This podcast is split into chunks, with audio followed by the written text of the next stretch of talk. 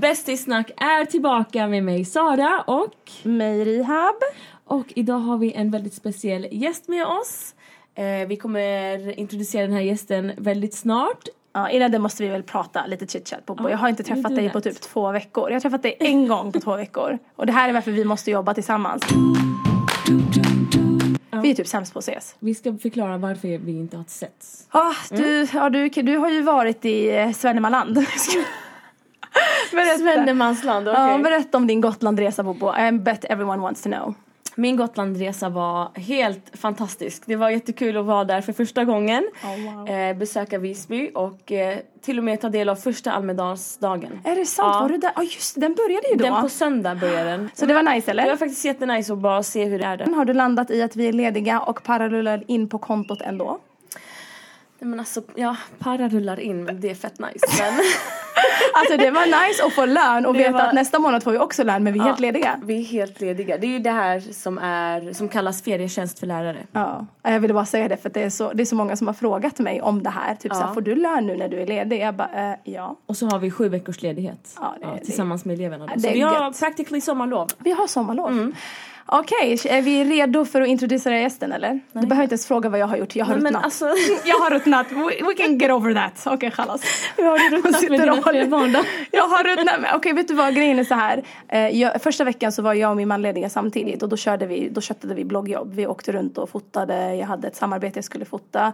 Och sen så typ käkade vi överallt. Och du har ju varit riktigt aktiv på Ja, sociala jag, medier. jag har varit på staycation. Men det blir ju så. När jag är ledig då blir det sociala medier. Speciellt om min man är ledig. För han är ju den påtvingade fotografen. Det är nice att se din Instagram uppdaterad. Ja men thank you Bobo, I'm trying. Ja, anyways, men nu, nu tar livet slut från och med imorgon. För att imorgon är mina huliganer hemma i fyra veckor. Bara jag och dem. Jag ska försöka avlasta dig Bobo. I promise. Ja, det är, det är wishful thinking. Tack så mycket Bobo, men det är okej. I- I'm good. Okej, nu, Okej, nu kan inte jag hålla oss mer. Nu ska vi presentera våran gäst. Ehm, och du kan köra presentationen Och hörni, idag har vi med oss den väldigt speciella och väldigt vackra Ja. Melody. Woo! Vi kör drumroll, vi kör egen drumrolls här. Du får så rösta och du får allt. Ja, det är klart. Det Man- låter som intro till Prins Ali, du vet. När elefanten kommer. Oh my gosh, bästa referensen. Ja, fast du är verkligen, du är Aladdin, you're, nej, du är Jasmine, okej? Kolla. Ja, Jasmin ja. Du ser ut som Jasmine dagen. Så Tack så mycket. Vart är min audition? Vart eh, var den? Ja, vart är den? Alltså jag känner också. Posten där. Ja, jag vet inte vem de castar för den här rollen men alltså I could only see your face, or your face för den delen. Jag sa this Jasmine is so wrong for this part. Men den kan vi prata om i en annan podd. I framtiden. Ja, välkommen till oss Melody. Hej, kul att vara här. Ja, Trevligt, mycket trevligt. Vad tycker du om eh, våran eh, being här? Nu är vi inte i ett dot- dotterförråd som vi kallade det för. Vi brukade podda i min, min garderob. Men Ja. nu är vi i en riktig studio. Vi har Ja. upgraded us. Ja. Jag tycker det är jättefint. Alltså, jag brukar kalla mitt gym för ett dotterförråd. Och Vart gymmar du någonstans? 24-7 den här äh, banätavdelningen, du vet. Man smyger in. Ja precis, ja det är riktigt dotterförråd Det är faktiskt. riktigt dotter. Det finns inga fönster som kan öppnas. Nej, här gick du och öppnade fönstret Ja, vi fick att det veta var det, ja, I efterhand, stackarn Ja. du vågade inte ens fråga om det. det Nej, nej, nej. Man bara accepterar ödet. Precis, att det är kvavt, att vi dör men oh, alltså vi kommer ändå från typ Sahara-värme så att det är okej. Man är Ja. van. Man är Man är van. van. Var det lätt att hitta hit? Ja, faktiskt det gick. Bra. Det gick. Du är ju från den här orten va? Jag är härifrån, från trakterna. Okej. Eh, Jag tänkte att du skulle få presentera dig själv. Vem är du? För Vem de som, är inte, som inte är lika välsignade som oss som vet vem du Oj, är. oj, väldigt stora ord. Ja men du förtjänar dem. Rätta ord skulle jag Wow, säga. ni är, ni är hypade. Eh, jag heter Melody, jag är från Husby, jag är, är komiker och författare. Okej. Väldigt... Du eh, sa det väldigt ödmjukt. Ja. Men jag vill säga hon är komiker och, författare. Bam! Exakt sådär. Men eh, kan inte du, okej, men det här med komiker och författare, det ska vi prata om. Det är liksom huvudämnet i våran, vårt poddavsnitt idag. För vi ska prata om representation, vi ska prata om hur det är att vara kvinna i din bransch och vi ska prata om hur det är att vara POC, alltså people of color, i den här branschen. Både i författarskapet och i stand-up. Men innan det så vill vi gärna höra om vem du är på riktigt, avskalat från det här. Inte för att det där inte är på Alltså riktigt men... eh, privat. Ja, vem är du? Alltså så mycket som du vill berätta. Vad växte du upp här? Eh, Typ så här, vad, vad har du för favoritbarndomsminne från den här trakten? Lite sådär. Eh, Ehm, ja, nej, jag born and raised Husby. Uh, bor fortfarande kvar. Ehm, vem jag är? Jag skulle säga jag kanske är en ganska annorlunda iranier. Eh, till att börja med, jag är inte islamofob. Oh my god, får man säga så? Det sådär. var, jag kör bara, det är Nej, du från det alltså, landet så. Var helt eh, raw, Ehm. det gillar vi. Ja, vi gillar det. Eh, jag är ganska kulturell utav mig. Jag är uppvuxen med indisk populärkultur vilket är varför min Instagram är full av massa saris. Ja, man kan ju tro att du är indier alltså. Jag började undra om du verkligen var iranier. Ja, det är många som, det brukar vara den första så här, privata frågan Ja. när någon så här, fast vilket land kommer du ifrån? Egentligen. Ja, Exakt. Jag förstår. Um, jag, ja, det, jag vet nu vad, jag har katter. Hur många katter har du? Jag har två. Så du är en catwoman you're not dog person. Jag tycker inte det ena behöver utesluta det andra. Jag, jag tycker om hundar också. Men jag är ockuperad av katt. Aha. Låt säga så. De koloniserade mig innan hundarna gjorde det. Så, Så du surrendered helt enkelt till ja. eh, katt, kattismen eller vad Kattism är så. Du, du blir liksom deras butler. Mm. Och du vet inte när det hände och vart anställningsavtalet är. Men det bara sker. Jättebra. Vad heter katterna? Pucko och Dumbo. Pucko och Eh, Dumbo. Jag vet det. Och Farshin i efternamn. Väldigt viktigt. Det är viktigt att... Det är din, din avkomma liksom i kattavseende. Ja, men Baba är inte jättestolt men... nej, han tycker att Farsin hände. efternamnet inte ska gå vidare i djursläkten. Nej, det var inte vad han trodde. Eh, den. vad kom du på de här namnen, tänker Jag jag? tyckte det var representativa namn. De tar sats för att gå in i väggen. Så det bara är Älskar så. beskrivningen. Ja, jag dör. Ja. Plus, alltså, eh, jag var inne på att döpa dem till Tupac och Biggie. Okej, ja. Mm, I jag, har jag har vänner som eh, har en hund som heter Biggie. Ja. Grejen är, den ena, han är fet. Han skulle, det skulle passa skulle för passa. honom. Och han, har, han är så bastant. Den andra, han är för fjollig för att vara Tupac. Ja, jag fattar. Det, det, det kändes som en skulle- insult ja, mot Tupac. Ja, ja. I agree alltså. Wow. Om, det, om det är någon som ska ta Tupacs name så ska det vara någon som är värd det. Ja, det ska, det ska vara någon som är gata, inte någon som är fett fancy. Det, Okej. Du har såna katter, alltså så här cats. Det känns som lite halvt det. som halvt, de de Inte är orten. deli. De. Jo, de, de, de är deli. Alltså, de, De kastar sig själva i väggen säger hon. Alltså, Exakt. hur mycket mer orten kan det vara? Det finns ju en stereotyp kring människor som har katter och du följer, du don't take any box alltså. Du är liksom inte mm, 80 år, du är inte gråhårig än så länge. Du är liksom inte crazy cat lady så att det blir jättekul att bryta den här alltså, stereotypen kring Ja. kattkvinnor. Skriva böcker går väl lite hand i hand med... Ja fast nu är det jättetrendigt att skriva böcker Ja, nu, så att du är helt rätt i tiden med det där. Don't worry. Kanske är det. det, är det. Okej, men om jag säger så här, Melody, favoritbarndomsminne? Favoritbarndomsminne? Alltså... Jag, jag har, eh, jag skulle säga gården. Oh wow, ja, gården som alla... När du säger gården Ja, då, då alla känner jag också så ja. Ja, för, jag vet inte hur det var för er men jag fick inte gå så långt. Nej, inte vi heller! det var en bra dag fick vi gå till gården bredvid. Ja. Tack, samma här. Ja, exakt sådär. Då, mamma har sett sitt favoritavsnitt på tv, du vet hon mår bra. Hon, Ja. hon har haft Hon låter det gå till baksidan. Vi kallar det Exakt. baksidan. Exakt. Vi kallar det för vänstergården. Ja. Det var- Du ser, Jag vet inte ens vad den gården heter men den låg till vänster om våran. Så den kallades för det. När vi var där, det var ny mark. Då var verkligen såhär, wow, behöver jag karta för det här? Hur ska jag hitta hem?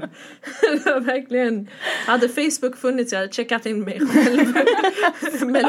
Är två meter från sitt eget hem. Men det, det skulle jag säga, där är alla ens minnen från barndomen. Vad tycker ni? Alltså det är så roligt att jag kommer ihåg att någon gång i gymnasieåldern när jag beskrev våran gård som gården, då trodde folk att jag hade en uteplats. Aha, Och de bara, "Ah, vad, vad, hur stor är uteplats då? Jag bara, alltså, nej, alltså det är public gård för alla som bor i grannskapet. De bara, "Ha, är det det det heter? Men det var gården för oss. Och baksidan var literally gården bakom vårt hem. Ja. Och den stod vi ute och skrek, mamma får jag gå till baksidan? Och mamma brukade ofta säga, nej du får stanna kvar på gården. Men Och någon när gång, man skrek efter sin morsa från gården för man var för lat för att komma upp. precis. När man, man har- lärde sig mamma på alla språk Tack, tack vare det här. Anne. Anne, Anne, alltså det- Dadajan, jag vet inte vad. Jag har hört alla versioner av mamma du kan tänka dig. Ja, det är, det är gården. Wow, Ja, det är det är allt på gården. gården. Den kollektiva uteplatsen. Ni, ja, ni vet, du vet Sara att jag är fett starstruck när det kommer till den här tjejen. Så att jag är Nej, så här, oh my God, och det finns ingenting att starstrucka över. Men lyssna gumman, är man smart och är man snygg, you got me. Ja. Det är därför jag är så kär i den här själva. tjejen. Alltså, men jag, det är därför jag är så kär i Sara, det är därför jag är så här, ja, hon är Men förtryckt. du är också smart och snygg. Ja, ja, nu går vi vidare. Okej, Ja. vi gör så här. Kan du berätta om hur du kom in på stand-up? Vi börjar där. Eh, Stand-up, jag började för 11 år sedan. Oh wow, så länge Så det var länge sedan. Men jag, intresset fanns redan som barn men jag visste inte att det fanns i Sverige. Men jag var den, liksom så här, redan som unge, jag tyckte om att imitera folk. Och jag tyckte om att ha folk omkring mig som skrattar. Okej. För när du skrattar, då sker ingenting dåligt.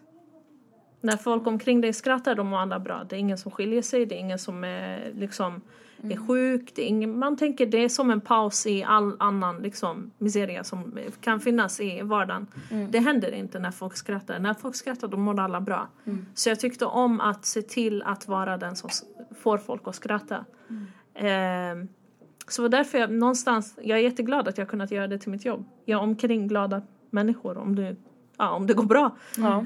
Men eh, jag hade ingen aning om att det fanns i Sverige, alltså stand-up. För jag kollade mycket amerikansk stand-up redan typ innan jag kunde engelska.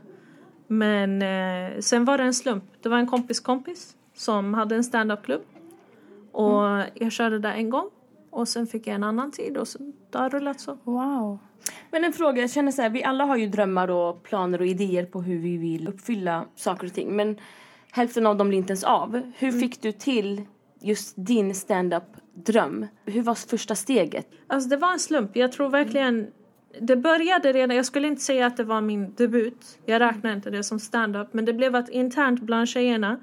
Eh, varje gång någon fyllde år så blev det en grej att jag skulle göra en roast av det här Ah. födelsedagsbarnet. Okej. Roasting är en stor del av stand-up men jag klassar ändå inte det jag gjorde som stand-up. Nej. Eh, och det tar många år innan du blir komiker, även Ja. om du börjar testa stand-up och så vidare. Eh, så det hade lika gärna kunnat vara att jag till och med testade stand-up i två år och inte blev en komiker. Mm. Ehm, det var ihärdigheten. Jag märkte att det här är det första som så här, det här är en del utav mig. Och om jag inte gör detta då känner jag att jag inte utövar en del av min personlighet. Om du tar ifrån stand-up ifrån mig då kommer jag Ja, men för er det kanske är liksom poddandet. Man har en passion i sitt liv som man inte vill kväva. För det är en sån stor del utav en. Så fint. Äh, Jag tänker så upp, alltså uppföljning på det. Kan du berätta om den här första gången som du gjorde den här alltså roasten eller stand-upen? Vart var du någonstans och hur gick det till? Alltså jag tänker också på bygga på, på det Sara sa. Hade, hur fick du modet att ta tag i den här passionen och bara nu ska jag göra det här? Det var, alltså det var en slump som sagt, det var en väns vän som hade den här stand-up-klubben. Det var verkligen, vi råkade, jag var med min vän med, när hon såg honom. Och vi bara gick in i varandra av en slump och han, då gav han mig en tid där på plats. Och Var det, själv, liksom, var det självklart för dig då? Att tacka ja. ja, jag, jag sa ja då. För eh, jag hade ändå liksom gått så här vår teater i Husby och sådana grejer. okej. Så jag hade scenvanan Okej. och det här med liksom eh, jag var van vid att typ så här entertain släkten. Eh, och någonstans ville jag testa den här konstformen jag har beundrat så pass Okej, länge. ja. Men jag var jättenervös. Okej. Ja. Eh, 20 sekunder in så släppte det. Okej. Känner du att den här nervosite- nervositeten sitter kvar än idag eller är det någonting, när du går ut, är du så här äh, rakt puff du liksom kör eller känner du dig nervös fortfarande? I, alltså, oftast blir man ivrig. Ja. Och det är det jag tycker om. Det beror på vem som sitter i publiken. Det, kan, alltså, det är det med stand-up, du vet aldrig vem som sitter i publiken. Och det kan finnas någon i publiken som är emot din existens. Ah, okej. Det, Hur- kan, ja, Hur övervinner man det då? Det är en del utav jobbet. Ja. Det är så liksom, ni är lärare, ni vet inte vilken klass ni får Precis. nästa år eller Nej, någonting. ja. Det kanske är något av barnen som kommer ha jättesvårt för dig för den du är. Ja. På personlig nivå. nivå. Och då ska du ändå så här, vara som en mentor för Ja. det här barnet. Och liksom, ja, man ska inte ha beef med barn men ändå liksom. Vilken det referens är ändå alltså. en personkemi som måste finnas där. Ja. Och detsamma gäller med stand-up. Det är många gånger jag märkt att så här, du går upp på en scen och det blir den här, folk sätter armarna i kors för de blir så ah shit, då blir det tråkigt. Mm. Eh, nu kommer det säkert massa relationssnack och sånt. Alltså, det, det, det finns en viss stereotypisk kategoribild av eh, hur tjejkomiker är. Hur tycker du att du bryter mot den bilden? Om du berättar vad den bilden är och hur du går emot den bilden. Um, alltså jag nämner aldrig att jag är tjej på scenen. Jag tycker inte om att prata om att jag är tjej. Okej. För det jag vill göra är att liksom lämna publiken med ett skratt så att när de väl går hem så tänker de att den som fick mig att skratta mest var faktiskt en tjej. Alltså att det blir en side effect. Det ska inte vara Melody är det enda hon är, tjej. Jag vill inte jämföras med mina manliga kollegor för liksom är hon bra för att vara tjej eller inte? Nej, jag ska vara bra för att vara komiker. Helt rätt. Mm. Och den stereotypiska bilden av kvinnliga komiker är? Eh, alltså dels oftast liksom om man se- ser på elitens kvinnliga komiker. Eh, det är inte fåfänga tjejer. Eh, om man ser mig, jag ser ut att vara frisör.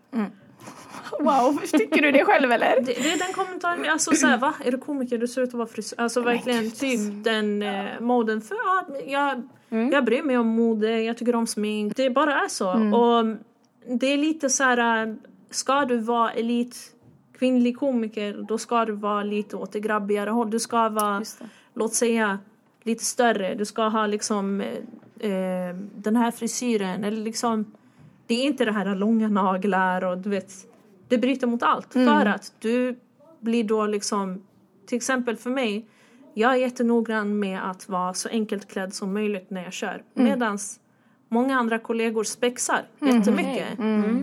För jag vill inte distrahera på något sätt. Nej. så om jag liksom aldrig har klackade skor eller någonting. Sneakers, svartklädd, inga smycken. Helt plain. Bara för att det enda du, du ska fokusera på ska vara framförandet. Jag tycker det är så bra och eh, jag skulle säga väluttänkt. Har du sett dig själv och sen tänkt utefter det eller har du börjat så från början? Till en början var jag noggrann för vad jag hade på mig och allting. Och jag, tänk, jag märkte att det tog mycket av min energi. Okej. Mm. Så om du liksom nästan som Kalanka har på dig typ samma outfit varje gång du ska köra. Ja men det, Klockrena. då, då är inte det en issue i ditt huvud. Och det spelar ingen roll även om jag är på ett jättefancy gig. Eh, låt säga i en fin teater, jag ska öppna för någon stor komiker eller något sånt. Jag kommer vara plain. För min konstform är plain. Precis. Jag sjunger inte, jag dansar inte, jag framför inte den formen av show. Det viktigaste är mitt, alltså, Det du har Det att du säga. säger, ja, det din- man säger och din- hur man framför det. Vad är din starkaste sida inom stand-up? Om man säger så. Jag skulle säga min starkaste sida är egentligen eh, publiksnack. Okej. Det är en av de senare delarna du bemästrar inom konstformen av stand-up. Det är liksom eh, det är någonting du absolut inte ska börja med. Okej. För att det kan få dig att bli självmordsbenägen. Men alltså. Ja, där. Varför det? Nu får Berätta. du förklara. Ja, du För måste att det förklara. kan gå jättesnätt. Men Okej, vänta. Först måste vi, säkert många andra som lyssnar här inte heller vet de här olika uppdelningarna av eh, stand-up. Vad betyder publiksnack? Är det att du pratar direkt med publiken eller att du skämtar om publiken? Ja, det, det- när en komiker kör, oftast så har du någon form av material. Okej. Du har en setup, alltså en, du bygger upp en historia och du har en punchline. Okej. Eh, du kan ha en act-out, alltså att du gör en imitation, någonting, bjuder på den biten. Eh, mycket av det här är redan inövat i, sitt, i huvudet även om det låter jättenaturligt och wow, han kom på det här, fram, här och nu för den här publiken endast. Oj, oj, oj. Det här secrets kommer ut tjejer, ni hör. Och vissa grejer är faktiskt grejer som kommer där och då. Okej. Vissa grejer är, men det blir bara bra när en erfaren komiker gör det. Okej. Okej. Okej. Så du ska inte winga om du är ny, helt enkelt, utan du ska köra... Klart du ska, alltså för det är så du bygger ditt material, men var försiktig för när du är ny så har du oftast max tre minuter. Wow, Okej. så lite? Men det tar ett år att skriva tre minuter som är bra. Just det. Ja, alltså, det är de här tre minuterna som räknas då. För du ska ha punchline var 20 sekund. Minst. Är det så? Eh, har du inte det så har du inte eh, fångat publikens intresse. Ja. De börjar tänka på annat. De börjar tänka på sin skattedeklaration. har jag bokat tvättid? Vad har jag lagat? Alltså alla de här tankarna börjar komma. Ehm, och du har bara tre minuter att ge ett intryck. Du har ännu mindre tid. Du har tio sekunder att ens fånga uppmärksamheten. Fångar du inte en annan människas uppmärksamhet i de första tio sekunderna i alla möten. Ja. Om det så är när du visar din biljett på tunnelbanan eller vad som helst. Det är då vi kategoriserar. Mm. Och det är då vi kategoriserar intressant eller ointressant. Det är sant. Och om jag ser någon som ska underhålla mig och jag per automatik kategoriserar den som ointressant spelar ingen roll om personen står där i 40 minuter. Jag kommer inte lyssna. För de tio första sekunderna fick min hjärna att dra eh, parallellen Ja, att liksom, det här, nu kan jag zona ut. Vi letar efter de här luckorna där vi kan zona ut lite då och då ja, faktiskt. 100 procent. Jag håller med dig. Jag är en riktig sån här inzonare. Du har tio sekunder på dig. Antingen du har mig eller jag är någon helt annanstans och tittar på dig bara. Ja. Så att I get it. Det är svårt. Eh, Jag tänkte bara att eh, vad är din worst case scenario? Eller vad är det värsta du vet när du står där på scenen? Är det att publiken kanske tar upp mobilen Ja. eller inte svarar på det du säger? Eller vad? Genom att skratta till exempel.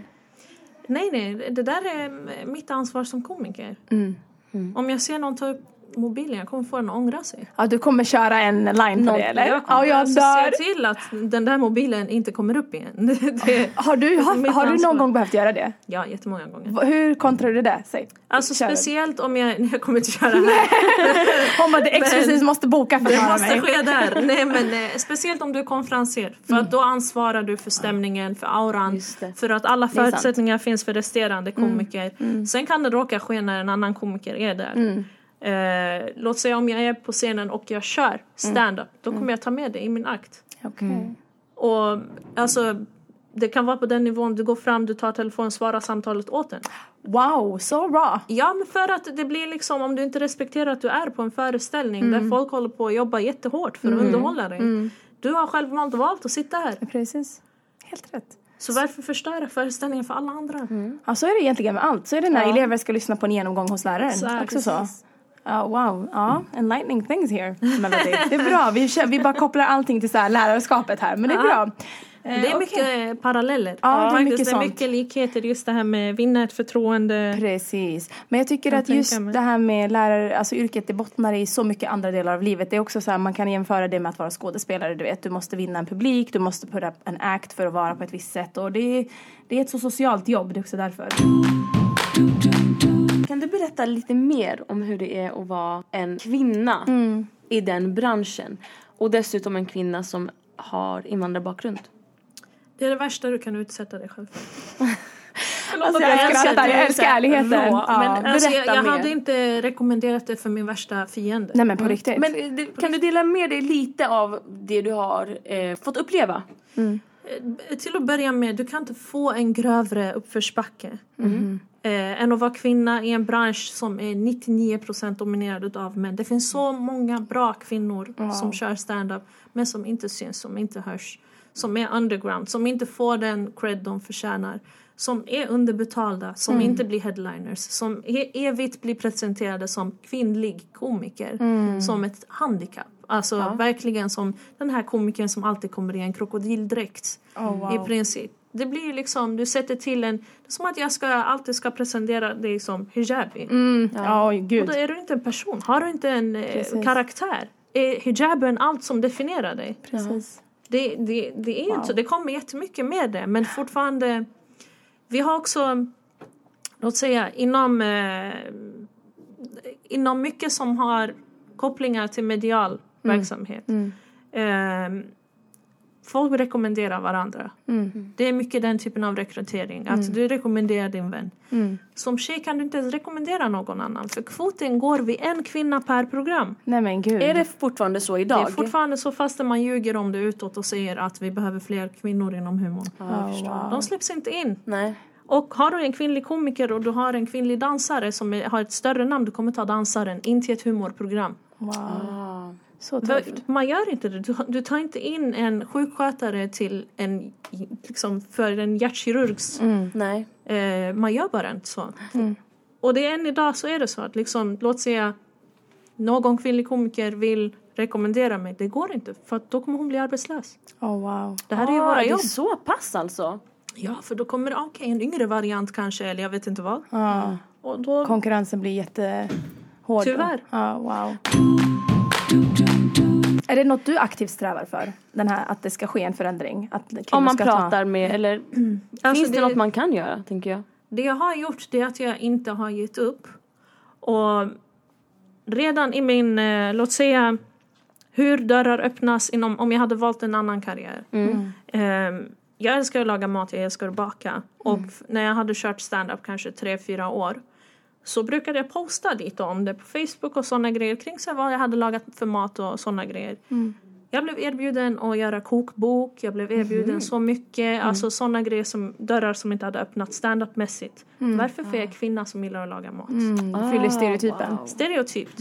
Jag blev såhär, varför får jag de här möjligheterna inom någonting som jag vill hålla privat? Precis. Som jag, och jag, då blev jag så här äh, jättebra erbjudande men jag vill inte vara ah, hon den här kocken som testar stand-up nu. Mm, jag fattar. Jag förstår hur du menar. Ja. Så då blev det verkligen, till och med nu inom litteraturen med boken. Jag kan inte ens kalla mig för författare för jag har bara skrivit en bok och den har inte ens varit ute i ett, ett år. Oh, wow. Men respekten där inom litteraturen är tusen gånger högre. Ja, vi ska komma dit. Ja, det är jätteintressant. Jag kommer ihåg en sak du sa på författarträffen. Vi ska prata om det sen. Ja, att jag inte hade berättat för Precis någon som att jag boken, skrev. ja. Jag brukar inte, för att jag tror inte att saker kommer ske förrän de sker. Ja, För jag har sett Vi är det försvinna. Ja, så framför många ögonen på Ja, eller hur? exakt. Mm. Och ehm, någonstans blir besvikelsen större om du har sagt det till folk. Helt rätt. Eh, så det är ett sätt att egentligen skydda mig själv Ja. från besvikelse. Helt rätt. Ifall att någonting tas ifrån dig. Låt säga att du ska vara med i den här tv-produktionen eller jag vet inte vad. Någonting man är jättehypad över. Ja. Jag kommer inte prata om det förrän det Händer. finns sänt. Alltså inte ens under inspelning och allting. Men när det sänds. För att det kan spelas in. Folk kan lägga ut timmar, allting. På att spela in och ändå inte sända. Ja. Det är sant. Men känner du att det har gjort dig mer reserverad kring, jag tänker så här, äh, i din umgängeskrets, tar folk illa vid när du inte berättar saker på det här sättet? Eh, just med boken gjorde de det. Ja, jag, tänk, jag tänker mig det, alltså när det kommer till såna här grejer och speciellt när man kommer från våra bakgrunder också. Så kä- känner man att man förväntar caring, sharing is caring, man ska alltid berätta allting. Men det funkar inte riktigt så. Alltså om man berättar så blir det så här, du vet att det blir den här pressen på att man ska nå löpa linan ut och sen ibland händer det inte så sitter man där och har en kollektiv Du vet att man ska behöva förklara sig, okej det här hände inte. Men känner du att om du är tyst, hur kommer du undan med det? Det blir det här, alltså tjejer i så här starka relationer, vi är duktiga på att skuldbelägga varandra för så här, varför sa du ingenting? Du vet den här, äh, jag kan göra det själv. Att varför, varför ringde du inte när du var ledsen? Varför så, alltså den här grejen att man önskar att man hade varit där tidigare och vetat och så vidare. Och dels, alltså mina vänner blir så förvirrade i vad jag ens jobbar med för att det är tusen grejer. Ja. Precis, för Eh, projekt. Det är för många projekt samtidigt att ibland blir jag så här, har jag, vet, Har jag sagt det här? har jag sagt det här eller har jag inte sagt jag Är det här ens värt att säga? För att liksom sådana saker. Bok klassar jag som någonting mycket större i mina vänners ögon än vad det var i mina ögon. För att i mina ögon var det eh, någonting jag gjorde basically liksom frivilligt. Ja. Eh, det var inte ens ett jobb. Det, var ju, det, det finns inte para i böcker. Nej. Folk tror det är värsta prestige. Alltså, Ja. Det är mer prestige än vad det är Pengar. Ja, exakt. helt och av, mina, av den anledningen när folk frågar om mitt jobb då tänkte jag inte ens på boken. För det är någonting jag skrev privat. Ja. Kan vi gå in då lite i boken nu? Vi Ja, byter nu. Vi, vi- lämnar vi- stand-up och ja. kör lite författarskap nu. Hur kom idén till Miseria? Miseria by the way, hörni, ni alla som är lärare som lyssnar på det här, eh, tar det från mig som har haft den här i undervisningen. Det var miseria för våra elever att läsa den under lovet men vi kunde göra ett läsförståelsetest. Det var så mycket material till den här boken och det är en så bra bok. Speciellt för elever som går i skolor, eh, alltså i förorten. För då är, den, den är relaterbar.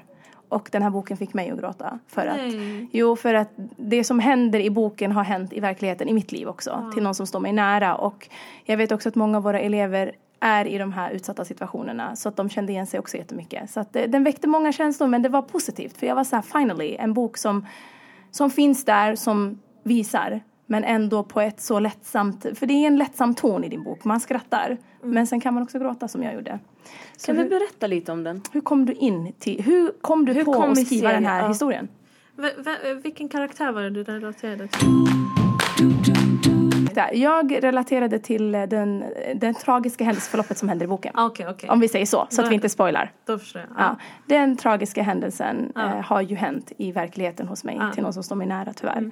Så att eh, när jag läste de, de, den sidan och sen när jag läste Aishas liksom process i den här eh, förvirringen och sorgen och det, allt det här. Jag bara tänkte på typ alla andra runt omkring mig i den här situationen. Mm.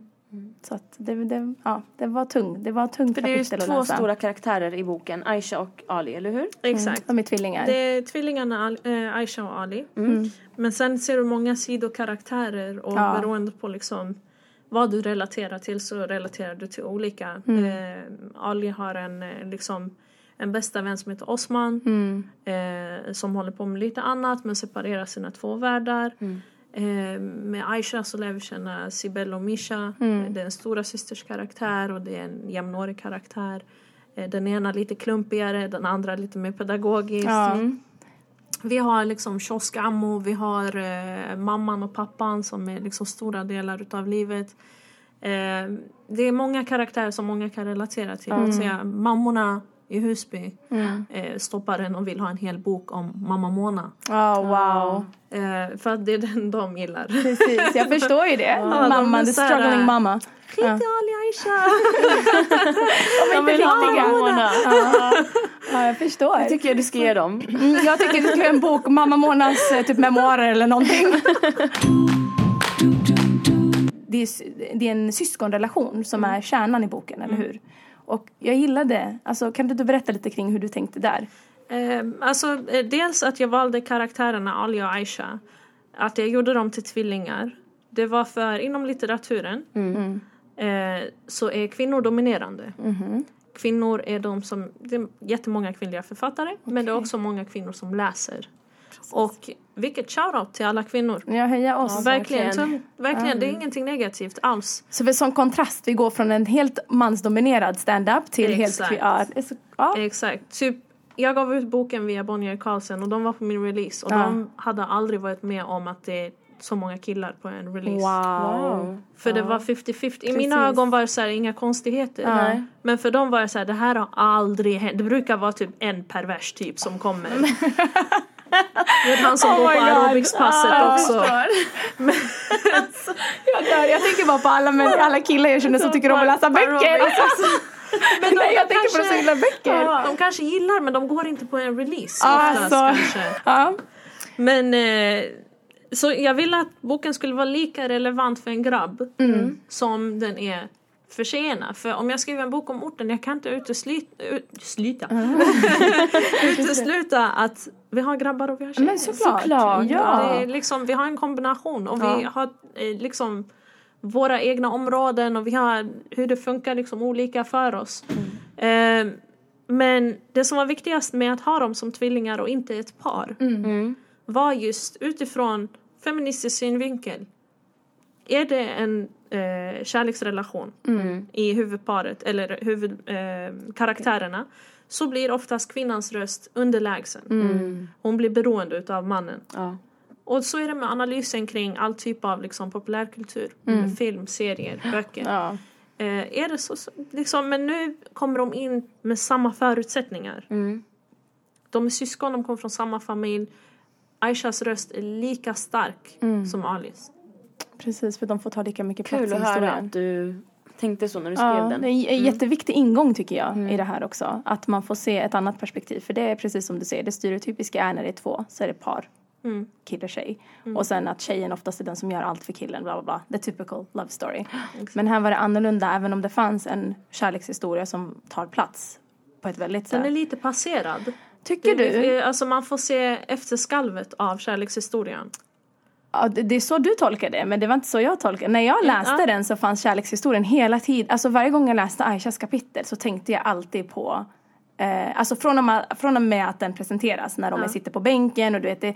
Men jag kanske läste den med en tonårsflickas Mm. tankesätt. Du vet en, en person som går i åttan, nian som har en starstruck i någon kille Mm. som får ge henne uppmärksamhet. För det var det som, och det när vi pratade med mi- mina alltså elever som är i nian då. Mm. Då var det mycket det här att det, den var så spännande så att de väntade bara på att någonting skulle hända. Och den, det är som du säger, den är lite så här att den är i bakgrunden. Mm. Men för någon annan så kanske den blir högst levande i och med att den finns.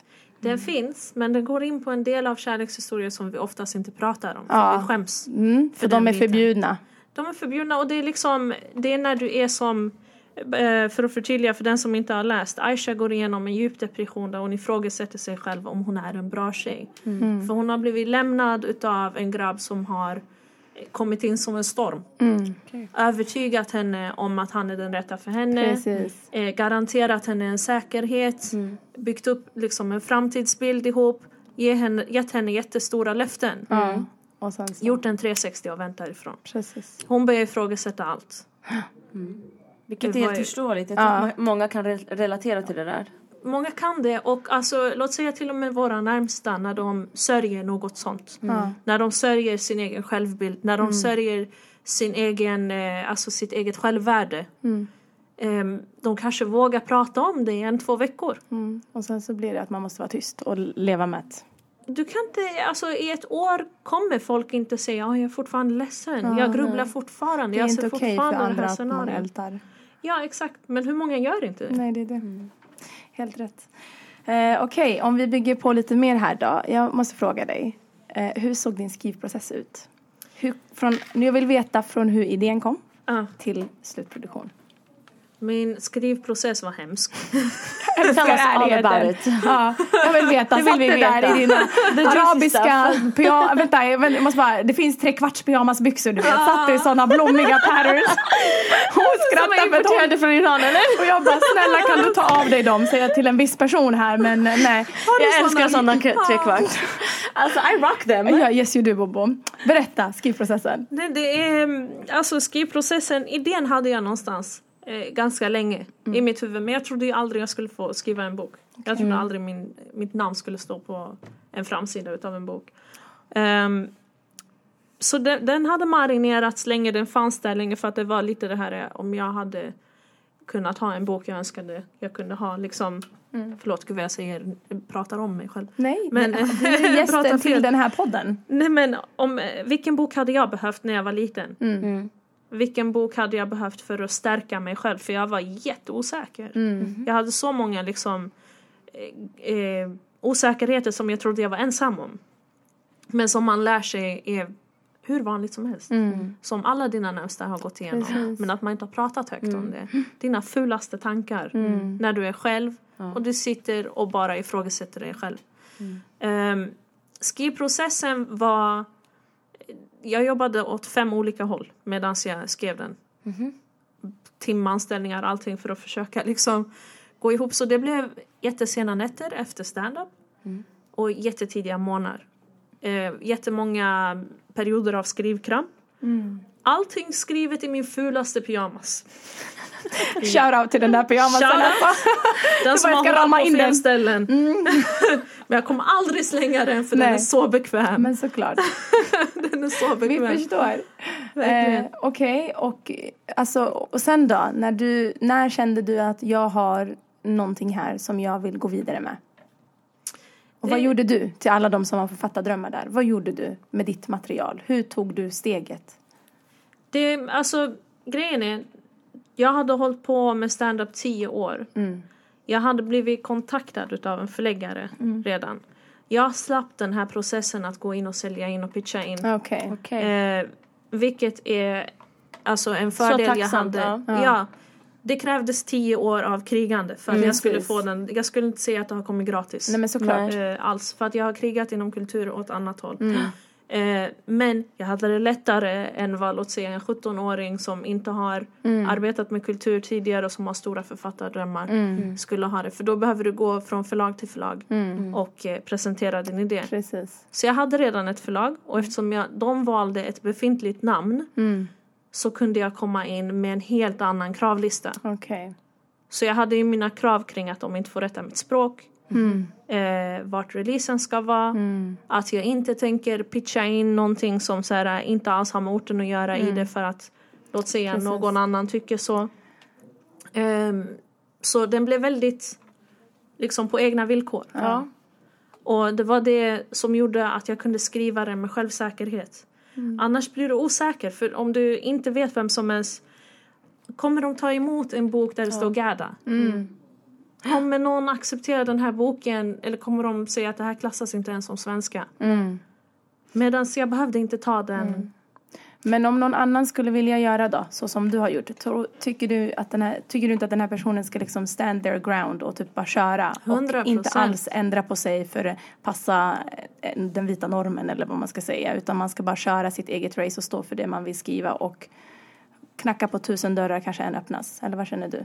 Den vita normen har så många bibliotek. Vi har en bokhylla. Precis, helt rätt. Jag Tack. vill att den här Perfekt. bokhyllan exploderar. Ja, eller hur? Den ska bli så många bibliotek, Ja, verkligen. helt för, rätt. av och för miljonprogrammen. Och det kommer inte vara av och för miljonprogrammen om du rätt, rättar din historia. Precis. Så ingen annan sitter på din berättelse. Om den så, låt den, till och med om den inte är orten. Mm. Det kanske handlar om så här, livet i Älvsjö. Jag vet inte hur ni lever i Älvsjö. Men du är en arab som bor i Älvsjö, Men alltså det var inte helt lätt. Nej. Jag har ingen aning om hur radhuslivet med trädgårdar är. Hon har registrerat Ja, trädgårdarna. hon kommer ihåg det. Det kanske kommer hennes nästa bok på Watch Out. Exakt. Livet med trädgårdar. Ja. Eh, jag brukar tänka, du är ingen kock om du liksom, du är ingen kock bara för att du kan göra en omelett. Så jag dör de här referenserna. Nej, Ja, men helt det är rätt. verkligen, det är Helt rätt. så. Ja. Det- Okej, kanske inte alla kan göra en omelett, men när du väl kan göra det, det betyder inte att du är kock. Nej. Och detsamma tycker jag med för all form av kultur. Okej. Eh, folk målar ett streck på ett papper, papper jag är konstnär nu. Nej, bro, det, det kommer med erfarenhet. Alltså, samma med komikerskapet. Jag har 11 år i mitt bagage. Jag har grindat jättemycket. Ingen har rätten till att säga till mig att jag inte får kalla mig för komiker. D- Däremot författarskapet, jag ser mig fortfarande som en komiker som har släppt en bok. Okej. Så För att jag har, jag har inte varit där så pass länge. Och visst, liksom, det är någonting jag, jag tyckte om. Ehm, det är en bransch jag respekterar.